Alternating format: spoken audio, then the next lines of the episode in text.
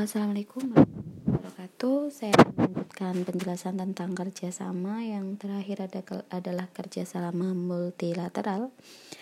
Yang pertama adalah PBB. PBB itu merupakan perserikatan bangsa-bangsa yang didirikan di San Francisco, Amerika Serikat pada 24 Oktober 1945 setelah berakhirnya Perang Dunia II.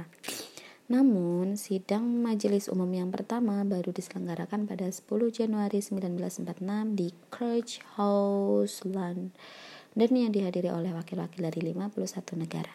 Saat ini terdapat 192 negara yang menjadi anggota PBB. Semua negara yang tergabung dalam PBB menyatakan independensinya masing-masing. Indonesia resmi menjadi anggota PBB ke-60 pada tanggal 28 September 1950 dengan suara bulat dari para negara anggota. E, berikut ini adalah para wakil tetap e, Republik Indonesia yang pernah dan sedang mewakili Indonesia di PBB. Yang pertama Labertus Nicodemus Palar, Sujarwo Condro Negoro, Ali Sastromiyojo, Soekarjo Wiryo Pranoto, Lambertus Nicodemus Palar, Dr. Haruslan Abdul Ghani, Yoga Sukomo uh, Khairul Anwar Sani, Abdullah Kamil, Ali Alatas, Nana Sutresna Nugroho Wisnu Murti, Makarim Wibisono, Makmur Widodo, Rizlan Izhar Jeni, RM Marti M. Natalegawa, Hasan Kleb. Kemudian yang kedua adalah ILO ILO itu adalah organisasi buruh internasional atau International Labour Organization didirikan pada tahun 1919. ILO merupakan agen khusus tertua yang ada dalam sistem PBB. ILO bertanggung jawab menyelenggarakan pertemuan PBB tahunan antar institusi membahas isu-isu masyarakat adat yang diselenggarakan di Jenewa. ILO memiliki mandat antara lain mengembangkan dan menyusun standar buruh internasional untuk memperbaiki kondisi hidup dan kondisi kerja manusia di dunia. Standar tersebut dituangkan dalam berbagai konvensi dan rekomendasi yang kemudian membentuk standar internasional minimal yang terkait dengan masalah-masalah pekerjaan, misalnya untuk hak-hak dasar di tempat kerja seperti hak bebas untuk dari diskriminasi, hak untuk mendapatkan upah yang sama atas pekerjaan yang sama, penghapusan tenaga kerja anak dan tenaga kerja paksa, hak untuk bebas berkumpul dan berserikat.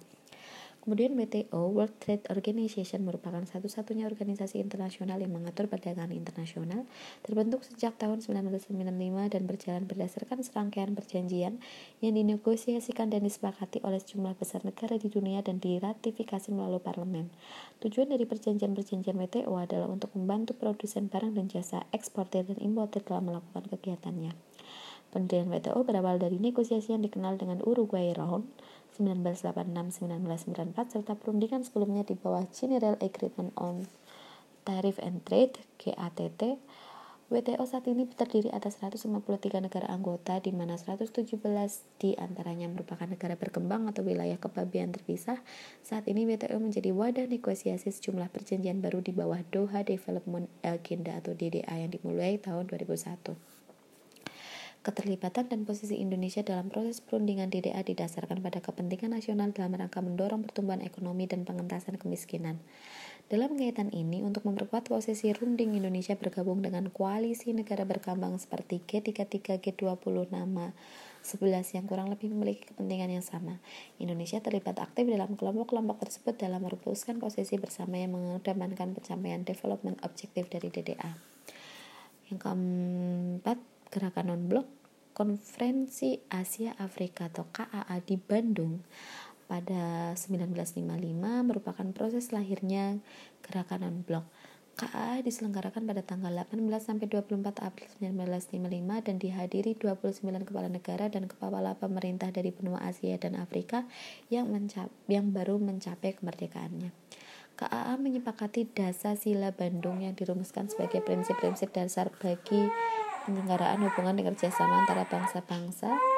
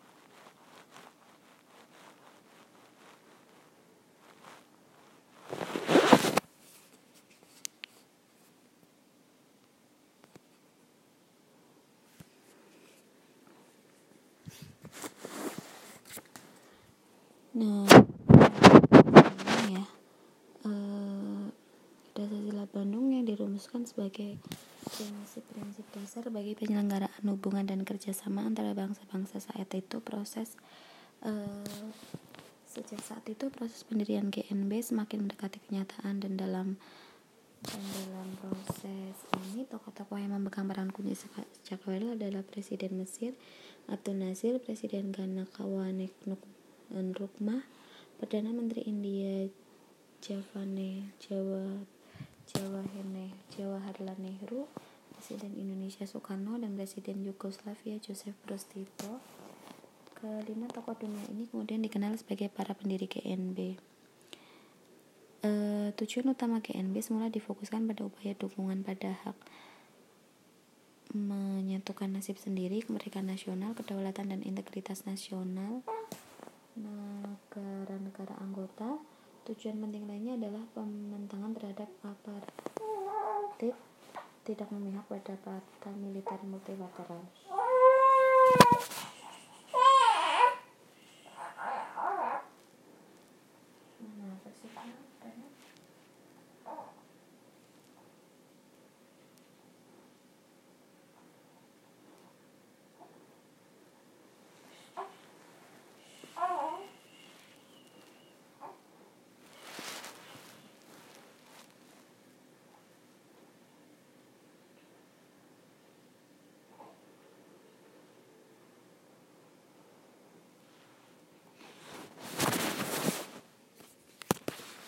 Perjuangan tentang segala segala bentuk dan manifestasi imperialisme perjuangan tentang kolonialisme, kolonialisme neokolonialisme rasisme dan pendudukan dan demonisasi asing perlucutan senjata tidak men, tidak mencampuri urusan dalam negeri negara lain dan hidup berdampingan secara damai, penolakan terhadap penggunaan atau ancaman kekuatan dan hubungan internasional pembangunan ekonomi sosial, dan restrukturisasi sistem perekonomian internasional serta kerjasama internasional berdasarkan persamaan. Kemudian UNICEF, UNICEF yang dikenal United Nations International Children's Emergency Fund merupakan organisasi yang didirikan oleh Majelis Umum pada tanggal 19 11 Desember 1946 untuk membantu dan memberikan bantuan darurat dalam bentuk berupa makanan, obat-obatan, pakaian untuk anak Eropa, anak Eropa dan juga pada masa perangan di Cina yang menjadi korban perang. Tujuan UNICEF memelihara perdamaian dan keamanan internasional, mengembangkan hubungan persaudaraan antara bangsa, bekerja sama secara internasional untuk memecahkan persoalan ekonomi internasional, sosial, kebudayaan, dan kemanusiaan, serta untuk memajukan rasa hormat untuk hak-hak manusia dan kemerdekaan-kemerdekaan asasi, untuk menjadi pusat bagi tindakan-tindakan bangsa-bangsa dalam usaha mencapai tujuan bersama. Peran UNICEF menumbuhkan kepercayaan anak-anak terhadap keberadaan negara, membantu kaum muda untuk membangun sebuah dunia di mana semua anak-anak hidup secara terhormat dan memperoleh keamanan, menciptakan yang cocok untuk anak-anak. G20 untuk Kemudian G20 untuk mengatasi krisis ekonomi, pemerintah Amerika Serikat berinisiatif menyelenggarakan konferensi tingkat tinggi atau G20 Summit bagi para pemimpin kepala negara G20 yang diadakan di Washington DC tanggal 15 November 2008.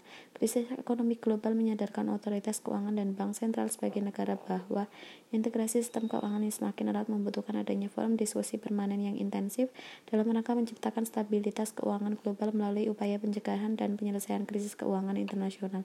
Keanggotaan G20 terdiri dari Kanada, Prancis, Jerman, Italia, Jepang, Inggris, Amerika Serikat, Argentina, Australia, Brasil, China, India, India, Indonesia, Meksiko, Korea Selatan, Rusia, Arab Saudi, Afrika Selatan, dan Turki. KTT G20 selanjutnya akan diadakan pada tanggal 3 sampai 4 November 2019, eh, 2011 di Cannes, Prancis dengan tiga isu utama yaitu International Monetary Reform, Reducing Excessive excessive volatility, improving global governance atau institution and standards.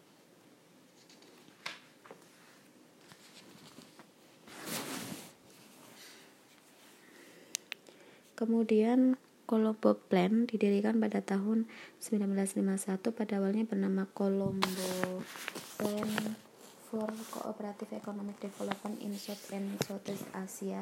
Kini Colombo Plan yang semula beranggotakan tujuh negara anggota persemakmuran telah berkembang menjadi suatu organisasi internasional dengan 25 negara anggota terdiri dari negara berkembang dan negara maju yaitu Afghanistan, Australia, Bangladesh, Bhutan, uh, Fiji, India, Indonesia, Iran, Jepang, Korea Selatan, Laos, Malaysia, Maladewa, Mongolia, Myanmar, Nepal, Selandia Baru, Pakistan, Papua Nugini, Filipina, Singapura, Sri Lanka, Thailand, Amerika Serikat, dan Vietnam. Tujuan utama Colombo Plan adalah mendukung pembangunan ekonomi dan sosial negara anggota, memajukan kerjasama teknik, serta membantu alih teknologi antar negara anggota, memfasilitasi transfer dan berbagi pengalaman pembangunan antar negara anggota kawasan dengan penekanan pada konsep kerjasama selatan-selatan. Uh, Indonesia telah menerima banyak bantuan pendidikan dan pelatihan yang ditawarkan oleh CP Berdasarkan data Sekretariat Colombo Plan, selama kurun waktu 1995-2007 selama peserta Indonesia dalam berbagai program Colombo Plan, Colombo Plan tercatat sekitar 1.131 orang yang menjadikan Indonesia sebagai negara kedua terbesar setelah Afghanistan yang menerima bantuan Colombo Plan. Dalam beberapa tahun terakhir, kegiatan yang menonjol antara Indonesia dan Colombo Plan adalah program pelatihan penanganan drug abuse yang dikoordinasikan oleh Badan Narkotika Nasional bekerja sama dengan beberapa pesantren di Indonesia di bawah organisasi masyarakat Nahdlatul Ulama.